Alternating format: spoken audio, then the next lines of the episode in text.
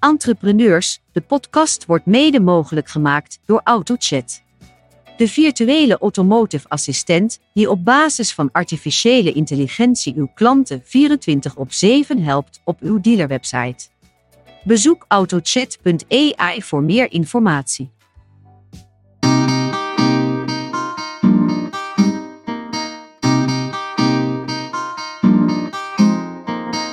Inderdaad geboren in, uh, in Nederland, uh, in Roosendaal, in het zuiden. Um, voor velen een uh, schemerzone tussen Nederland en België. Het ligt op een paar kilometer van de Belgische grens. Um, en de eerste twaalf jaar van mijn leven heb ik dus in Nederland doorgebracht. Met mijn ouders en mijn broer. En ongeveer op mijn twaalfde zijn we verhuisd naar België. Naar het noorden van de provincie Antwerpen. was voor ons niet echt een hele grote stap. Want ik had al een paar jaar uh, in België op school gezeten. Omwille van de korte afstand en de ja, toch wel goede kwaliteit van de scholen. Uh, hebben we eigenlijk onze eerste, eerste schooljaren ook daar doorgebracht. Dus, dus op dat vlak was voor ons België geen, uh, geen onbekend land. Mhm. En uh, het was eigenlijk ook vrij makkelijk om, om te verhuizen. Ja, precies. Ja. Dat een logische stap. Ja, absoluut. Ja. En uiteindelijk ben je dan verdere opleidingen ook in Nederland of in België blijven volgen? Of ben je ja, dus middelbare school. Ja, inderdaad, ja. middelbare school heb ik ook, ook in België gedaan. Ja. Dus dat heette toen nog moderne humaniora. Mm dus ik deed op een gegeven moment economie met moderne talen. Dus dat was Frans, Duits, Nederlands, Engels. En dan ja, de basis economie, zeg maar. Dus dat was eigenlijk een vrij brede opleiding. Tenminste, opleiding, een vrij brede scholing. met, met heel wat ruimte voor ja, wat bredere interesses. Mm -hmm. Dus dat is denk ik ook wel een, een, belangrijke basis geweest voor mezelf om, om verder te ontwikkelen. niet te veel in wetenschappen, niet te veel puur in talen, maar eerder een beetje een bredere basis, zeg maar. En ben je daarop afgestudeerd en dan gaan werken? Of, uh... Nee, dus ik heb uiteindelijk ook nog uh, universitaire studies gedaan. Ja. Eerste jaar in Antwerpen. Uh, dat was met de bedoeling communicatiewetenschappen te doen, maar in die tijd was eigenlijk het eerste jaar vooral pol en sok. Dus eigenlijk 100% politieke en sociale wetenschappen. Mhm. En dat, dat lag mij minder. Ik, ik was echt geïnteresseerd in communicatie wederom dat brede, meer dat, dat, ja, dat zakelijke ook wel een klein beetje. En in de Pol en Sok was het vooral ja, het, het meer politieke gedeelte. En dat, daar ben ik eigenlijk vrij snel op afgehaakt. Mhm. Um, en dan uiteindelijk ben ik dan verder gegaan naar bedrijfscommunicatie en digitale media. En dan komt dan gelijk mijn, mijn passie voor het digitale naar boven. Mhm. Vanaf het begin, daar zullen we het straks over hebben. Uh, was ik altijd al geboeid door, uh, door het digitale en uh, internet en online. En in die tijd was dat eigenlijk nog vrij recent. We spreken over eind jaren 90, begin jaren 2000. Ja. dat was in Tilburg, op de Universiteit van, van Tilburg. Um, en eigenlijk sindsdien ben ik me steeds meer gaan focussen op, ja, op het digitale aspect. Mm -hmm. Later ook in mijn carrière, maar ik denk dat we daar straks nog over, mm -hmm. over gaan praten. Um, maar dus ook in Nederland gestudeerd inderdaad. En, uh, en ik heb eigenlijk altijd wel een, um, een link uh, gehad met Nederland. Natuurlijk ook familiaal. Ja. Uh, maar ook gewoon vanuit interesse, vanuit de cultuur. Ik vind nog steeds een fantastische cultuur. En, ja, dus je kent de culturen, nou, beide culturen. Beide culturen durf ik wel te zeggen. Ken ik, begrijp ik. Kan ik ook alle twee lekker mee om. Dus ja. Maar uiteindelijk na, na je studie. Ja. Uh, ja, is eigenlijk een logische vraag. Je bent Ja. gaan werken. Op welke leeftijd was dat? Uh, toen was ik ongeveer 25. 25. Ja, ja, ik denk dat ik nog 25 moest worden. Ja, Ik begreep wel dat jij al een btw-nummer had. ja Voordat je 18 was. dat klopt. Dus, misschien kunnen dus eigenlijk was je al ondernemer voordat je afgestudeerd was. Ja, dat, dat, uh, dat is waar. Ik was al aan het ondernemen denk ik toen ik een jaar of uh, 17 was. Ja. Dus verschillende dingen. Ik uh, heb altijd ook wel een passie gehad voor, uh, ja, voor muziek en events en alles wat te maken heeft met mensen samenbrengen. Dat vind Ja. ik wel heel leuk. Ja. Dus um, het, uh, het begon eigenlijk uh, in de middelbare school, dus met, met het concept van de Kamer van Koophandel, heette dat toen nog. Ja, ja. Kamer van Koophandel Antwerpen. Ja. Want die was nog niet gefuseerd met Waasland. Ja. Het heet ook nog geen VOCA. En op een, uh, op een woensdagochtend uh, komt er een, uh, een jonge dame van, van de Kamer van Koophandel de Kamer voorstellen. En het concept van de mini-onderneming. Mini-onderneming. Ja, de mini-onderneming. Dus dat was een soort um, concept om hele jonge mensen te motiveren voor, voor het ondernemerschap. Ja. Oké. Dus ja, ik voelde me natuurlijk meteen geroepen en uh, oké, brainstorms met de klas. Uh, ik werd als uh, CEO geplaatst. Er was iemand operationeel verantwoordelijk, iemand deed verkoop, inkoop, et cetera. En we hadden niks beters gevonden dan bloembollen te gaan verkopen. Ja. Onder de naam Flower Power. Flower Power. Dat was wel een grappige naam. En ja. die bloembollen die kochten we in en die verkochten we voor twee keer zoveel. En ehm, het leuke van het verhaal was dat je dan twee keer naar Antwerpen mocht. Dat was toen natuurlijk wel heel leuk. En uh, ik heb een pak geleend van mijn neef. En uh, een, een donkergroen pak met een wit t-shirt. En toen zaten we in die grote conferentiezaal van, van toen nog de Fortis Bank op de Mer. Ja. heel leuk, een grote aula. En dan mocht je zo met heel je bedrijf, met je team, mocht je dan het bedrijf gaan voorstellen. Dus dat was eigenlijk het eerste echte soort van uh, link met het ondernemerschap. Ik geloof zelfs dat dat in het vijfde studiejaar al was, dat was niet in het zesde. Ja. En in diezelfde tijd was ik dus bezig met evenementen, ook voor het schoolfeest. Oh, dat was leuk en uh, het schoolfeest moest beter, groter. We moesten twee feesten per jaar doen. Oké, dus ik ging dat met het hele schoolteam regelen. En daar ging ik dan bijvoorbeeld posters voor maken. Heel de marketing had ik al bedacht. Heel het concept. Uh, wat voor drankjes. Toen moest de Red Bull ineens komen. Dat was allemaal helemaal in die tijd. Uh, dus ik was heel erg bezig met concepten.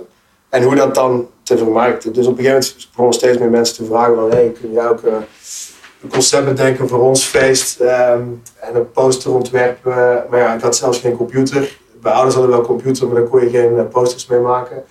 Dus ik ging naar een lokale drukkerij om een idee uitleggen. Die gingen dan een poster maken. En op die manier ben ik eigenlijk een beetje in marketing avant la lettre gerold. Ja. We spreken hier over 1998, ja. ongeveer 99. Uh, ik ging in 1997 voor de eerste keer het bedrijf van mijn oom in Breda online. Hè, dat heette toen nog online gaan.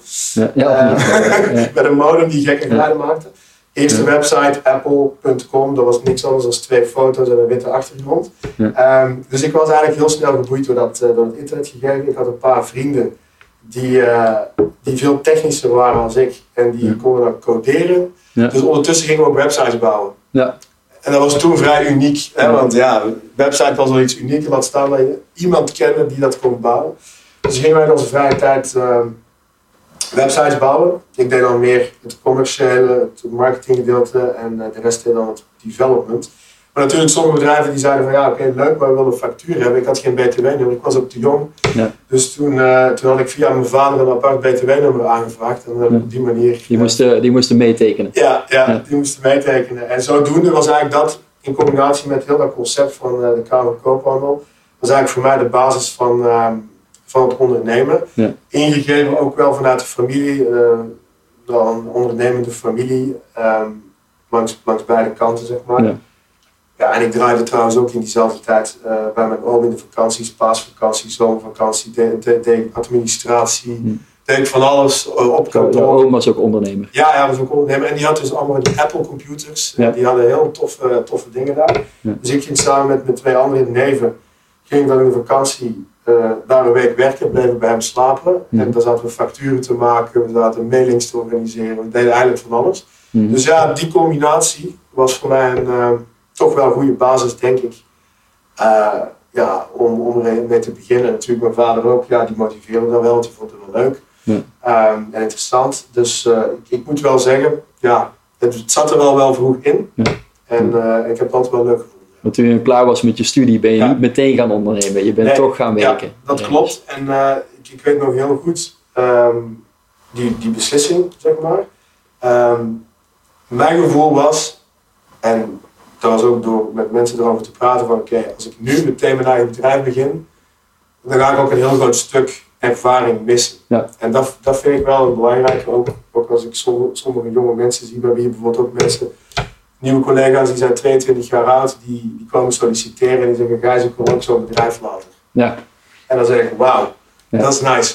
Uh, maar ik besef ook dat ik nog veel moet leren en dat ik door in een structuur te werken, door met, met mensen te werken die mij coachen, grotere klanten te kunnen werken, dat ik daar heel veel kan leren op korte tijd om dan uiteindelijk die stap te zetten. En ik heb eigenlijk diezelfde, uh, datzelfde traject gevolgd. Dus ik heb in feite een paar jaar um, het zelfstandig ondernemerschap uh, een beetje in de ijskast gezet, in de koelkast gezet en vooral geleerd om in een bedrijf te werken. Ja. En ik zie nog steeds heel veel jonge mensen die meteen beginnen met een bedrijf, die vrij veel meer geld moeten betalen. Ja. En je, ook je mist dan een hoop eh, basis. best wel veel basis. En zeker als je groeit en je, je gaat met mensen werken, als je zelf nooit in een relatie tot en met een team hebt gezeten, dan is het Hmm. toch een ander gevoel. Hmm. En eh, ik, denk, ik denk dat is maar één voorbeeld hoor, maar ik denk dat het gewoon eh, wel waardevol is. Ja. En natuurlijk, er zijn altijd eh, uitzonderingen. Hè? Iemand die, eh, die, die uit out of college een start-up begint en, en disruptief is, dat kan. Maar ook zelfs daar zie je dan toch dat er op vrij jonge leeftijd van een bedrijf een paar mensen bijkomen die dan bepaalde staffuncties gaan vervullen vanuit meer ervaring. En Hmm. De ondernemer zelf focust zich dan vooral Hmm. op de visie en het product. Maar dat is een uitzondering. Hè? Ik Ja. denk in België moet je v- van vele markten thuis zijn als ondernemer. Zeker als je het vanaf nul bootstrapped, hè, zoals we dat noemen, wil opbouwen zonder al te veel eh, ondersteuning. Dan is het gewoon handig dat je wat extra bagage hebt. Dus dat was een bewuste keuze. Om, ehm, Waar, waar ben je dan gestart? ik ben gestart in, eh, in Antwerpen in een consultancybureau, gespecialiseerd in eh, verkoopmanagement en verkoopconsulting. Ja. Ehm, nou ja, ik was daar eigenlijk terechtgekomen via een, een vader en papa van van een goede vriend van mij, die, eh, die dat bedrijf kende. Ja. En die zei van, hé hey Gijs, eh, ik ben er nou een paar keer geweest en ik denk dat dat echt iets voor jou is. Dat is een commerciële club. Volgens mij kun je daar veel leren. Het is midden in Antwerpen, een leuke plek. Je moet eens gaan praten. Dus ik ging daar praten. En uiteindelijk eh, vrij snel aan de slag. Ja. Ehm, consulting, dus vrij formeel, hoog niveau. Ik denk zeker de Benelux top van de top. Leuke klanten, gaande van ja, eh, retail brands tot, tot software, tot banken, noem het maar op. De, de- eigenlijk het hele spectrum van business was wel aanwezig. En ik werd daar eh, ingeschakeld in het, in het marketingteam, zeg maar. Een marketingteam. Oké. Ja, Ja. Ja. En wat waren de activiteiten van dat marketingteam? Het marketingteam was eigenlijk eh, een apart bedrijfje, zeg maar. Ehm, gespecialiseerd in het ontwikkelen van tools, verkoopondersteunende tools. Mhm. Die je dus typisch als, eh, als verkoper gebruikt in een gesprek bij een klant of in een Mhm. presentatie of, eh, of, andere, of andere commerciële eh, activiteiten. Dus, dus eigenlijk marketing specifiek voor sales. Mhm. Dat, dat was eigenlijk het, het doel, of tenminste dat was eigenlijk de, de opdracht van die, van die afdeling. Ja. Nou, het lang verhaal kort. We gingen met consultants op stap, letterlijk. Dus we gingen naar de klanten, we gingen met die klanten in de field, bij hun klanten, observeren, vragen stellen, om op die manier eigenlijk tot concepten te komen. Eh dat konden grafische concepten zijn, een beeld, dat kon een storyline zijn om echt verhalen te vertellen bij klanten. Het kon allerlei documentatie zijn. Oh, verkoopgericht. Altijd Ja, verkoop. altijd. Ja, dus het was heel specifiek marketing voor verkoop. Ja. En ehm, dus ik werkte daar ongeveer een, eh, nou het zal niet lang geweest zijn hoor, het was een, denk ik een, eh, een negental maanden. Toen op een gegeven moment ehm, de directeur van die afdeling, ehm, de teamlead, die zei van wel, die Ja. ging iets anders doen. Ja. En eh, die had een heel mooi palmares opgebouwd, maar die was toe aan iets anders. Ja. Dus binnen een paar weken was die weg, of een Mhm. paar maanden zeg maar, het was niet zo heel lang. En op eh, amper 26 jaar leeftijd was ik ineens verantwoordelijk voor een hele afdeling. De afdeling. Ja. Met hoeveel mensen zaten jullie? de Eh, we zaten er toen met vier ongeveer. Dus het was niet super groot, maar er waren nog heel wat andere partijen waar we mee samenwerkten. Dus op sommige momenten zaten we daar met zes, zeven man te werken. Ja. En dus ik werd ineens gebombardeerd tot eh ja, teamlead. En dat vond ik natuurlijk super interessant. En eh, dat was een hele eer en een, eh, natuurlijk een, een grote stap. Maar Ja. er kwam natuurlijk heel wat bij kijken. Ja, wat, heb je, wat heb je allemaal geleerd daar? Eh, Kun je concrete voorbeelden noemen die je ook aan anderen mee kunt geven waar je Absoluut. zegt dat heb ik de rest van mijn carrière meegenomen? Ja, ik heb, eh, ik heb daar heel wat dingen geleerd zelfs. Ehm, ik was jong, ik was 26. De meeste mensen die daar zaten waren zelfs ouder. Mhm. Dus eh, ik moest eigenlijk heel snel omgaan met een, een, een, ja, soort van vreemde verhouding. Want eh, als je jong bent is dat in het begin heel vreemd. Ehm, maar dan ben ik wel, heb ik wel heel snel geleerd van oké, kijk, management, wat het, ook, wat het ook inhoudt. Want ik had natuurlijk geen managementervaring. Gaat er vooral om, om te zorgen dat heel dat team lekker werkt. Dat iedereen zijn rol heeft. Dus ik ging bijvoorbeeld niet bemoeien met hoe iets er moest uitzien. Want dan was een designer voor. Ja. En ik ging mij ook niet bezighouden met hoe taal moest eh, geschreven worden. Want daar hadden wij een copywriter voor die af en toe langskwam. Dus ik, ik merkte heel snel, ik ben jong, maar ik ben hier gewoon verantwoordelijk om, om dingen op te leveren. En om met die consultants mee te gaan en concepten uit te werken. Maar verder ga ik hier niks inhoudelijk doen. Dus dat heb ik geleerd van oké, ieder is een rol. En leeftijd maakt niet zoveel uit, maar als je gewoon die rol kan definiëren, dan is het scherp. Je moet het scherp houden. Dat is één Ja. ding.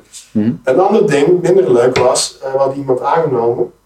Heeft drie maanden bij ons gewerkt. Ik was zelf ook betrokken bij die, eh, bij die procedure. En dat klikte niet. Dat klikte gewoon niet. En eh, die persoon... Je bedoelt met het team of met jou? niet met het team. Nee, vooral met het team met het niet. team, Want, ja. ik zat ook vaak bij klanten, maar als ik dan terugkwam, dan, dan kreeg ik in één keer de feedback. Goh, ja, het werkt niet. En oké, het lukt wel qua inhoud, maar het gaat niet goed met het team. Oké. Ja. Dus op een gegeven moment meld ik dat eh, aan, aan, aan de chief, hè, aan, de, aan de grote baas van het, van het geheel van het bureau. En hij zegt, ja Gijs, ja, jij bent eh, verantwoordelijk voor het team, hè, dus dat hoort er ook bij. Dan, Ja. eh, dan zul je toch iets moeten doen. Ja.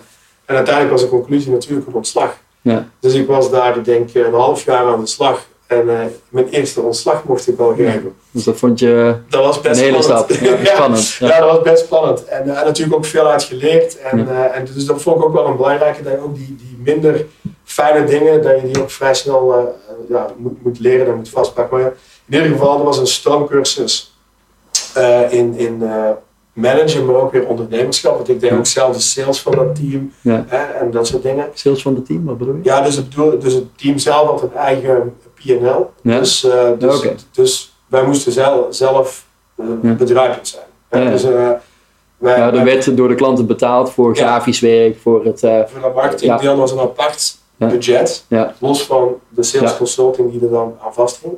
Dus ja, ik had de verantwoordelijkheid over een, een team. Dus dat was wel een budget van destijds eh, 100.000 euro's. Ja. En uh, dus daar heb ik ook wel geleerd van oké, eh, euro's komen binnen, maar euro's gaan er ook uit. Ja. En, en die balans zoeken was, was ook niet altijd even makkelijk. Ja. Eh, maar goed, ik werd goed ondersteund, goed gecoacht. eh, en uiteindelijk ben ik mezelf ook wel een paar keer stevig tegengekomen natuurlijk.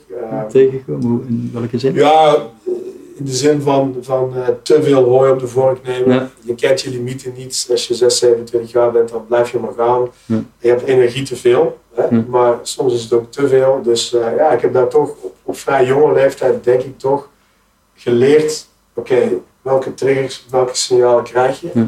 Wanneer je eventjes moet, eh, moet kalmeren. Hè? Dus, dus dat was, was, dat was een, een heel belangrijk, een echt belangrijke leerschool. Ja. Maar heb je daar eh, ook leren verkopen? Ik heb daar leren verkopen, Mhm. absoluut. Ja, want het was natuurlijk onderdeel één. Ik moest het team verkopen, eigen P&L, dus dat was al een klus op zich. En met de consultant meegaan en je gedragen bij de klant hè, als een echte verkoper. Want ja, de Ja. klanten die huurden de, de, de consultants in om te laten zien en te leren hoe je moet verkopen. Dus ik moest eigenlijk al heel snel mee in dat gareel. Dus alles wat ik deed bij de klant moest zijn alsof ik zelf ook een echt goede verkoper was. Maar ik was Ja. heel jong, dus Ja. ik moest heel snel kleine dingetjes eh, leren. En hoe, hoe, goed. hoe werd je dan, eh, hoe werd dat aangepakt? Hoe werd jij gevormd? Ik heb een cursus gevolgd, een Ja. training dan, net als eh, de klanten. Dus klanten schreven zich in met hun verkopers en ik zat daar eigenlijk als collega van de consultant, zat ik ook gewoon in diezelfde training. Een training met meerdere verkopers die ja. daar een verkoopopleiding kwam volgen. Juist, ja. Dat was een verkoopopleiding. Dat was voor mij dan ook meteen hè, de eerste keer om echt in zo'n groep van verkopers te komen. Mm. Koffie drinken, 's morgens, 's middags een lunch samen. Dus dat was voor mij ook weer al heel erg interessant. Eh, dus ik heb al die, al die cursussen gevolgd. De verkooptraining, verkoopmanagementtraining. Dus dat was, dat was basis nummer één. Ja. En dan had ik natuurlijk mijn eigen verkooptrajecten binnen een team. Ja. Eh, daar werd ik op gecoacht. Oké, naar welke klant ga je? Hoe ben je voorbereid? Eh, heb je een tijdslijn? Hoe zit de offerte in elkaar? Heb je de, nodige klant? Eh, Al die zaken, Ja. die werden dan daags voor de meeting nog wel gecoacht. Ehm, en daar leer je veel van. Ehm, en natuurlijk, door bij de klant te zitten, eh, was ik ook actief betrokken bij verkoopconcepten. Dus daar heb ik het wel echt geleerd. Ja. Ja. Denk ik wel. Had je dan meer affiniteit met marketing of met sales? Ehm, dat is een hele goede vraag en, en dat is ook misschien wel een leuke om, eh, om, om op in te gaan. Ehm, heel veel jonge afgestudeerde mensen die denken dat ze in marketing willen. Mhm. Oh, dat is leuk. Marketing klinkt ook goed. Mhm. En eh, zeker in die tijd was marketing nog wel, denk ik, ietsjes meer ehm, gewild bij jongeren dan nu. Nu is marketing vooral data-driven en is het, is het veel meer een rationeel verhaal geworden. Vroeger was marketing toch net een beetje meer de, ja, de leuke kant van het... Mooie eh, campagnes ja, bedenken. Ja, eh, inderdaad. En ook de reclamebureaus, eh, die, die vierden hoogtij in die, in die periode. Ehm, dus dus, dus voor, veel, voor velen was dat de droom. Hè? Ja. En wat was de realiteit? Dat, dat, dat velen zich geroepen voelden, maar dat er na een vrij korte periode al duidelijk was van ja, als je dan in marketing begint, dan, dan zit je op een bureau en dan moet je cijfers analyseren of dan moet je hand- en spandiensten verlenen voor allerlei campagnes. Ja. Ehm, terwijl de verkopers, die waren op de baan, die, die kwamen mensen tegen, die zaten overal en nergens. En die hadden een heel exciting exterior life. Hè? Ja. Dus we zagen we dan ook weer in, in het eh, bureau dat er heel veel mensen de switch maakten na twee jaar van een marketingfunctie naar een salesfunctie. Ja. En het was zelfs zo sterk dat wij klanten hadden die daar een programma voor gemaakt hadden, waarbij dat dus mensen werden aangenomen als marketeer en als verkoper. En dat er gewoon een heel open gesprek was op de zoveel tijd. Van nou, wil je nog marketing blijven doen? Wil je nog verkoop blijven doen? Of wil je naar de andere kant? Misschien een hele goede manier om verkopers te werven. Ja. Een marketingcampagne of Ja, marketing, en marketing. Ja. ja, ik denk ook dat ze, dat, dat ze meer instroom hadden op de marketing. En dan als de mensen dan over de vloer kwamen, zeiden ja, maar verkoop is ook interessant. Ja, ja. Ehm, nee, dus, dus zoals ik al in het begin zei, ik heb, eh, ik heb altijd een passie gehad voor, voor, voor marketing, voor, voor branding, voor concepten. Ja. En dus zat ik in mijn hoofd altijd meer in die wereld. Hè? En dan leer je dus wat verkoop is. Oké, dat was dan vooral B2B. Dat begin je ook interessant te vinden. Dan zie je, oh, zijn stapjes. ja, ja. Hè? Al die stapjes zetten en, en die klant overtuigen en, en, Schaken. en schaken. Dat kwam ook vaak aan bod. Ja. Een stukje schaken zit daar zeker bij. Ehm, en dus krijg ik vaak ook nog de vraag van ja, ja, verkoop. Ja. En dan denk ik, ja, ben ik eigenlijk een verkoper? Ja, ik denk het wel. Ja.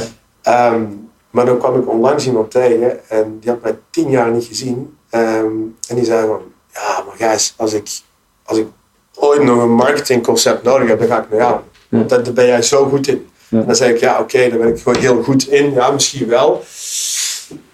Maar ik ben ook heel erg snel uitgekeken Op, een, eh, op een marketingconcept. Ja. Snap je? Ik bedoel, een concept bedenken is, is wel leuk. Ja. En dat vind ik tof. Maar als je dan heel die uitwerking moet gaan doen, dan kom je weer terug op dat operationeel. En dan vind ik verkoop iets uitdagender. Omdat je constante feedback krijgt van een klant.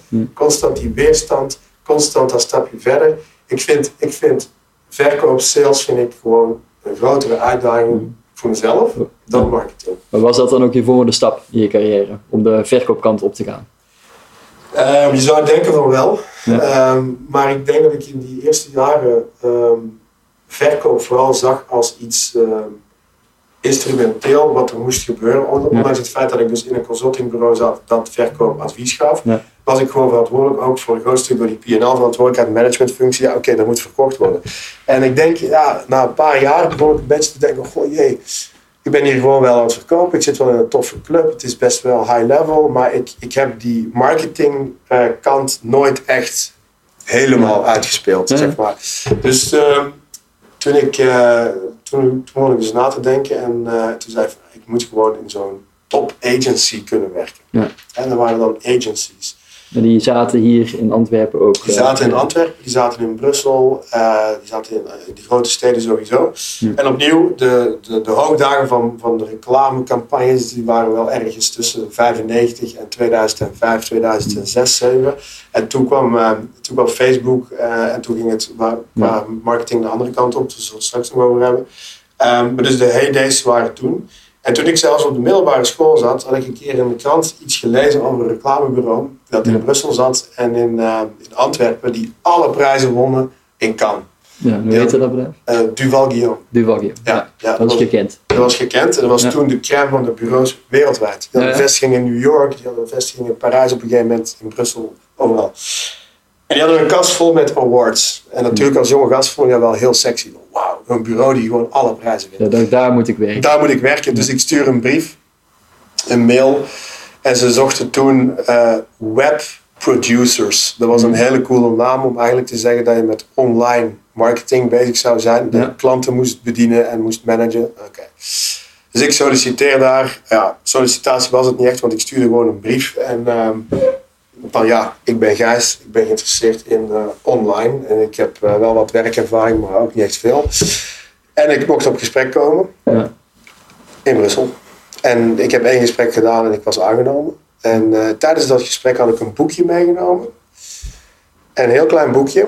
en ik heb eigenlijk tijdens dat gesprek dat boekje voorgesteld aan degene die mij ging aannemen. En dat vond hij zo boeiend dat hij zei, ja, jou moet ik hebben. Welk boekje was dat? ja, dat was Open, heette dat. Ja. Open. Dat is een heel bekend boekje. Ehm, Het gaat over? het gaat over op dat moment het, het, het, de verge van traditionele marketing naar de digitale eh, Mhm. ma- marketing. Ehm, en hij kende het nog niet. hij kende het nog niet. En merken, grote merken werden daarin geciteerd. Ehm, en en het, het ging gewoon over, oké, wat is de new wave of marketing? En ik had gewoon gezegd, kijk, hier geloof ik in. Ik heb dat boekje gekocht. Ik had het volgens mij in Parijs gekocht toen ik, eh toen ik een weekend naar Parijs was geweest. Ja. En die mannen hadden zoiets van, oké, dit is wel tof. En eh, ik werd aangenomen met drie anderen. Dus we Mhm. waren met z'n vieren. En ehm, ongeveer eh, een half jaar later was ik van die vier de enige die was overgebleven. En toen Mhm. kwam, ehm, ze hadden een, meer een, een approach van, ehm, we gooien iedereen in de leeuwenkuil en degene die overleeft, die mag blijven. Ja. Dat was toen het principe. Ja. En dus op, eh, op een gegeven moment zat ik eh, zes maanden alleen. Ik was de enige die was overgebleven. Ja. Dus je Ehm, moest er wel een, een, een ja, tegen, eh, je moest wel eh, van eh, goede huizen zijn om daar te eh, overleven. je moest vooral volhouden. Ja, volhouden. Ja. En veel, en veel vragen stellen en, eh, en van je afbijten. Want het was geen handje vasthouden. Nee, nee. Ja. Dus we kregen grote klanten en we moesten gelijk grote projecten gaan doen. En ik denk dat mijn voordeel of mijn geluk was. Ik had eh, ongeveer een 2,5 jaar werkervaring opgedaan. Ja. En in het, in het hele teamlead gedeelte Ja. met klanten. Dus ik wist wel hoe ik met een klant moest omgaan. Ik wist ook wel hoe ik met een, met een eh, collega iets moest, eh, moest geregeld krijgen. Terwijl die anderen die werden aangenomen, die waren veel priller in hun carrière. Dus ik denk dat ik daar wel een voorsprong had. Ja. Ehm, dus ik dacht, ik ga hier niet verkopen. Hè. Ik ga hier eh, marketing doen en ik ga Nee, digital. Eh, iemand anders verkocht en jij zou de marketingcampagnes bedenken. Ja, dat zou ik dan Nee, eindelijk wel echt gaan dat doen. er nog een Ja. award in de kast Ja. komt. Inderdaad, Ja. dat zou ik dan eindelijk wel eens gaan doen. Ehm, en toen begon ik de structuur van zo'n groot bureau te begrijpen. Dat je natuurlijk de, de, de key account manager had die boven iedereen stond. En die, eh, die vooral heel veel organiseerde, maar weinig zelf aan het verkopen was. En dat er natuurlijk gewoon projecten verkocht moesten worden. En er staat hier een fles eh spaarwater op tafel. Nou, dat was dan een van mijn klanten. En eh, ja, dan ging ik daar naartoe. En dan was het van, eh, ja, ehm, jullie willen een campagne doen of jullie willen een nieuwe website. En dan kon ik dus heel het verhaal van A tot Z in kaart gaan brengen. Hè? Dus wat heb je nodig? Hoe kijk je ernaar? Dit kunnen we doen. Offertes maken. En ook de handtekening. Ja. Ja, dus je deed uiteindelijk sales. Ik deed ook sales. En, maar ik moest ook het project opleveren. Dus Ja. dat was het, het, eh, het sterke van het verhaal. Ik deed en sales en projectmanagement. En als een klant een strategische vraag had van... Ja, hoe zit het nou met die digital eh, dingen? Dan kon ik ook daar nog even mee aan de slag. Want dan zeiden ze, ja, we hebben een advies nodig over hoe we dat dan moeten doen. En moeten we nu met Facebook al beginnen of niet? Dat, dat kwam toen allemaal op. Dus ook dat was ik aan het doen. Dus ik was eigenlijk alles aan het doen. Dus opnieuw eh, heel ondernemend. En eh, ja, ik weet nog dat ik... een Nederlandse klant is een groot, een groot softwarebedrijf dat, dat nu nog steeds eh, snel groeit. Ehm, dat ik heel trots was dat ik eh, met, eh, met een aantal collega's naar Nederland reed. En dat ik eh, de grootste bestelbon ooit had, Ja, had binnengehaald. Ja. Ehm, dat was een paar honderdduizend euro voor een webproject. En dat was, dat was het grootste in één keer verkochte project Mhm. digital. Moet je moet je voorstellen dat toen de tijd 10% van alle marketingbudgetten die door het bureau gingen, Ja. 10% was digital. Ja. Je spreekt hier over uh, jaren 2009 ongeveer. Dus dat Dat is een bedrijf dat vandaag nog steeds bestaat. Ja, ja, ja. Een bekend bedrijf. een heel bekend bedrijf. Ja. Maar de naam eh, vragen, daar zullen we niet naartoe gaan of kun je dat zelf zeggen? Het begint met een E en het eindigt met act. Ah, ik dacht het al. Ja. Prachtig bedrijf. En eh, daar hebben we toen de hele, hele rebranding naar het huidige logo gedaan. Maar ik deed al digital daar, dus de website. En, en het was heel uitgebreid met al hun producten over heel de wereld. Ja. Ehm, maar dus ik, ik stak dan die bestelbom die ik dan onder de neus van die, van die CEO had gelegd. Stak ik met bibberende handen in mijn Dell rugzakje Ja, ja, ja. dichtgeritst in de auto terug naar Brussel. Om dan eh, ja, een feestje te bouwen. Dat was natuurlijk Dat wel. wel eh, een mooi moment. dat was een mooi moment. Dus ik was inderdaad weer aan het verkopen. Ik had Ja. tot en met het order, de handtekening, had ik het, had ik het gefixt. En ik heb eigenlijk daar wel geleerd hoe, belangrijk het is om, eh, om eigenlijk nog meer dan in, in de vorige rol, om eh, kosten in de gaten te houden. Want Ja. met grote projecten kan het snel uit de hand lopen. Hoe haal je zo'n order binnen? Dat is een goede vraag. Eh, destijds hebben wij dat order binnengehaald met ehm, eerste instantie te begrijpen waar, waar een softwarebedrijf naartoe wilde. Hè. Toen was alles heel droog. Softwareproduct, functionaliteiten. En onze visie was, destijds, is bijna 15 jaar geleden, je moet naar een soort uh, beleving gaan, zelfs in B2B. Hè. Je moet een ondernemer die die software nodig heeft, moet je duidelijk kunnen maken, het beeld kunnen geven dat hij op zijn business moet focussen en niet op de, op de problemen die die software kan oplossen. Mhm. Maar om dat te brengen heb je meer nodig dan puur features. Ja. Dan moet je gaan praten over tijd, over focus, over verhalen van, van succesvolle voorbeelden van ondernemers die die stap al gezet hebben. Dus ik had samen met een collega, had ik gewoon een heel plan uitgewerkt, waarin dat we zeiden we gaan met content marketing beginnen, bovenop de laag producten die op de website staan. Ja. En dat hebben we eigenlijk, ik denk, eh, drie maanden, vier maanden, om de twee, drie weken gepresenteerd. En uiteindelijk zeiden ze, ja, dit, is het, dit moeten we hebben. En, eh, en dat heeft wel een paar maanden geduurd. En dat is voor mij altijd wel duidelijk, die complexe sales, daar hou ik wel van. Eh, ik, ik heb geen problemen met een lang sales traject. Ja. Je moet gewoon weten welke stappen dat je door moet. Ja. En eh, oké, het is leuk om hoera te vieren als het een handtekening is. Maar je kunt ook hoera vieren bij ieder stapje Ja, dat er tussendoor komt. En dat is typisch in die lange sales cycle. Dus bij ons is om de twee weken een vernieuwde versie van die pitch. Iedere keer verder met hun feedback en uiteindelijk zeggen oké, dit is het.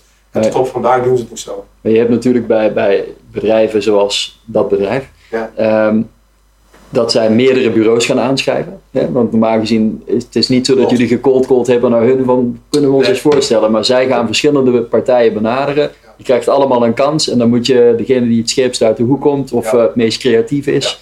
Klopt. Of meest professioneel. Ja. Dus, eh, en, en wa- wat, wat is daar denk ik het belangrijkste, wat is daar volgens jou het belangrijkste om te winnen ten opzichte Ja, dat van is de een goede vraag. En dat doen ze dus inderdaad traditioneel in de reclamewereld noemen ze dat pitches. Hè? Mhm. Eh, reclamebureau pitch. Hè? Laten zien hoe goed je bent, hoe creatief je bent.